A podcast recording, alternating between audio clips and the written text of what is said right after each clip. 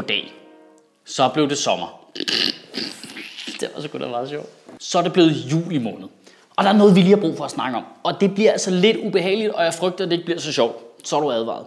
Fordi jeg tror, jeg sammen med rigtig, rigtig, rigtig mange danskere enormt godt kunne tænke mig ikke at læse flere historier i medierne om velintegrerede flygtningebørn, der tvinges ud af landet, på trods af, at de ikke har noget netværk eller nogen familie det sted, hvor de kommer hen, udelukkende på grund af teknikaliteter. Og jeg mener ikke, at medierne skal holde op med at skrive om det. Vi kender alle sammen historierne. I juni måned var det historien om Aboli og Vahid på 16 og 18 år, der skal tvinges tilbage til Irak, på trods af, at de kender ingen mennesker dernede, fordi de har boet på et dansk asylcenter, siden de flygtede som 8- og 10-årige og mistede deres forældre. De havde al deres identitet her. De havde alle deres drømme her. Der er Sabrina fra Chile, der er født her, opvokset her, gået i dansk folkeskole, i gang med at tage sig en videregående uddannelse. Pludselig mener kommunen, at hendes pas skal destrueres, og nu skal hun tvinges tilbage til Chile, et land, hun aldrig har boet i. I Allerød vil man sende Ibrahim og Øslem på 9 og 7 år tilbage til Irak, hvor de aldrig har været, aldrig har boet. De bor i Danmark, de taler flydende dansk, de har danske venner, de går i dansk folkeskole, og de taler ikke irakisk. Åbenbart så er deres tilknytning til Irak stadigvæk større end til Danmark, fordi de er... Det, det kan kun være, fordi de er brune i huden. I Horsens bor Christina på 18 nu ulovligt i Danmark, fordi Udlændingsstyrelsen har nægtet hende opholdstilladelse, på trods af, at hendes mor og stort set hele hendes familie bor i Danmark. Hun har ingen netværk. Hun tvinges tilbage til et krigshavet Ukraine, uden sted at bo, uden familie, uden netværk. Og jeg kan simpelthen ikke gentage det her nok.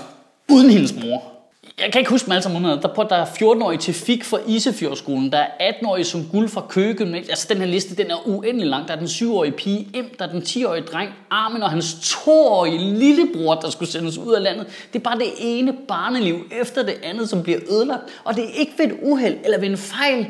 Det er med vilje. Det er med fuld bevidsthed fra den danske stat. Jeg, jeg sagde det ikke blev sjovt. Jeg kan godt lige prøve at klistre en joke på. Øh, at sende børn til tilbage til krigszoner, det svarer til, at det en kattekilling i klumperne. Altså, det svarer til at drikke rigtig meget snaps. Nej, for det er lidt sjovt i starten. Det svarer til, at Altså, det svarer jo ikke til noget, fordi det er så frygteligt. Og inden det går amok i DF-bashing i kommentarerne under her, så vil jeg gerne lige understrege, det her jo altså stået på under de radikale Socialdemokratiet og SF, der lige har været ved magten. Før det var den en venstreledet regering sammen med de konservative, der stod for det. Alle må tage et ansvar for, at det er endt sådan her. Og det handler jo ikke engang om politik jo. Vi er jo forbi diskussion om, hvor mange flygtninge har vi råd til, og integration og muslimer og alt det her fis. Det er, noget sådan, det er som om, det er sådan noget helt kerne grundlæggende i den danske identitet, der er ved at ændre sig på en eller anden måde. Ironisk nok, så er det jo os selv, der er ved at ændre det hele. I vores sådan kramagtige forsøg på at beskytte danskheden, der har vi offret måske det mest danske overhovedet, nemlig omsorgen for andre mennesker. Jeg forbinder dansket med sådan lidt øh, blåøjet, lidt børnede naivitet, sådan en beskyttertang. Det der, der fik os til at sejle jøder til Sverige under 2. verdenskrig, selvom det var mega farligt. Det, der fik os til at sende politibetjente ned til det uroplade Jugoslavien efter krigen på Balkan, og ligesom bare sende jyske betjente derned og sige til folk, så, så lige op med det der etnisk udrensning, jeg er gang i. Altså, den der, den der Flemming Poulsen EM92 med, vi har råd for mange smøger til at kunne løbe for Mathias Sammermøn. jeg prøver sgu lige alligevel, altså.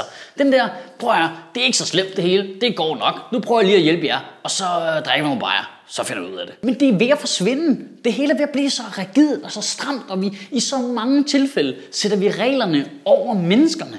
Det, det er slet ikke til at holde ud, altså og men reglerne siger også, og reglerne, og reglerne, ja, men hvis reglerne sagde, at du skulle gas jøder, ville du så gøre det? Nej, vel? Eller, hvis de var, hvis de var på kontanthjælp, ville vi gøre det, men ellers ikke. Og øvrigt, apropos regler, så står det fuldstændig sort på hvidt i FN's børnekonvention, at myndighederne skal altid sætte barnets tag først.